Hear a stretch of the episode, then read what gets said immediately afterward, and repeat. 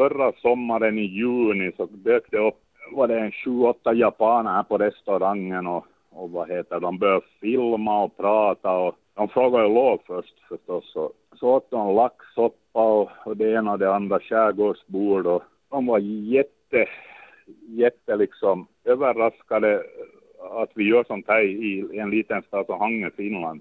Och en sak ledde till en annan. Här var japansk fotomodell som jag satt på terrassen och åt laxsoppa med och så filmade de. Det var ganska roligt. De var här var de sex dagar här nere i Hangö och det gick två dagar så kom det, så sa de att det kommer en chef från ett av de största varuhusen i Osaka kommer ner och träffar mig då. Så dök han upp här så pratade jag med honom och så frågade han om vi är intresserade att ta restaurangen till Japan för en vecka och laga mat åt japaner på det här varuhuset. Det är väl 13 eller 14 våningar. På nionde våningen så är det sån här showroom. Och i år så hade de två franska restauranger där och lagade mat.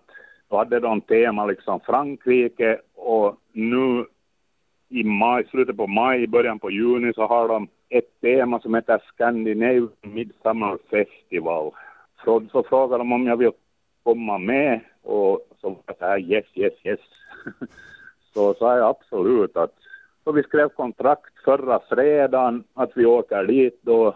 Och det var ju meningen att Daniel Roos skulle komma med från Stockholm också och laga efterrätter när han fick förhinder om, för de som inte vet vem Daniel Roos är så han är efterrättskungen i Sverige. Han lagar nobelpristagningarnas efterrätter och så vidare och så vidare. Det var meningen att han skulle komma med, men förhoppningsvis så kommer han med nästa år för då ska det här evenemanget göras ännu större. Vi ska se åt vilket håll det går, men i alla fall får vi dit i slutet på maj och jag är enda kocken då från från Finland och sen har jag ett gäng med japanska kockar som hjälper till då och skär upp och fixa då. Har jag tolk med hela tiden som, som översätter då om det är någon japan som inte kan engelska så det ska bli roligt.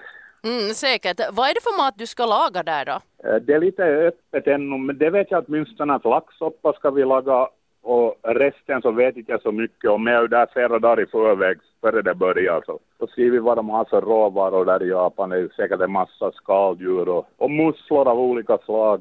Så det blir lite pirrigt men det blir intressant. Nu när jag åker till Japan ska jag först till Kobe till ett bageri där vi ska laga några hundra skärgårdslimpor där.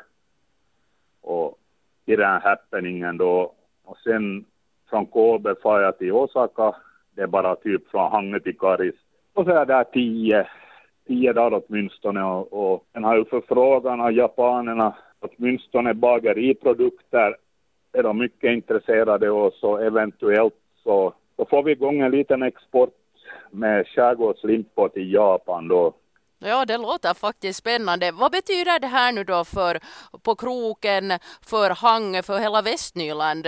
förhoppningsvis så får vi ett gäng med japaner hit i knutarna och snurra för att det kommer ut i TV det här. Japanska YLE kommer till filma där. De filmar också även här nu på, på sommaren och nu var det också japanska journalister med som gör ett stort, repo, eller ett stort reportage på någon lokal tidning.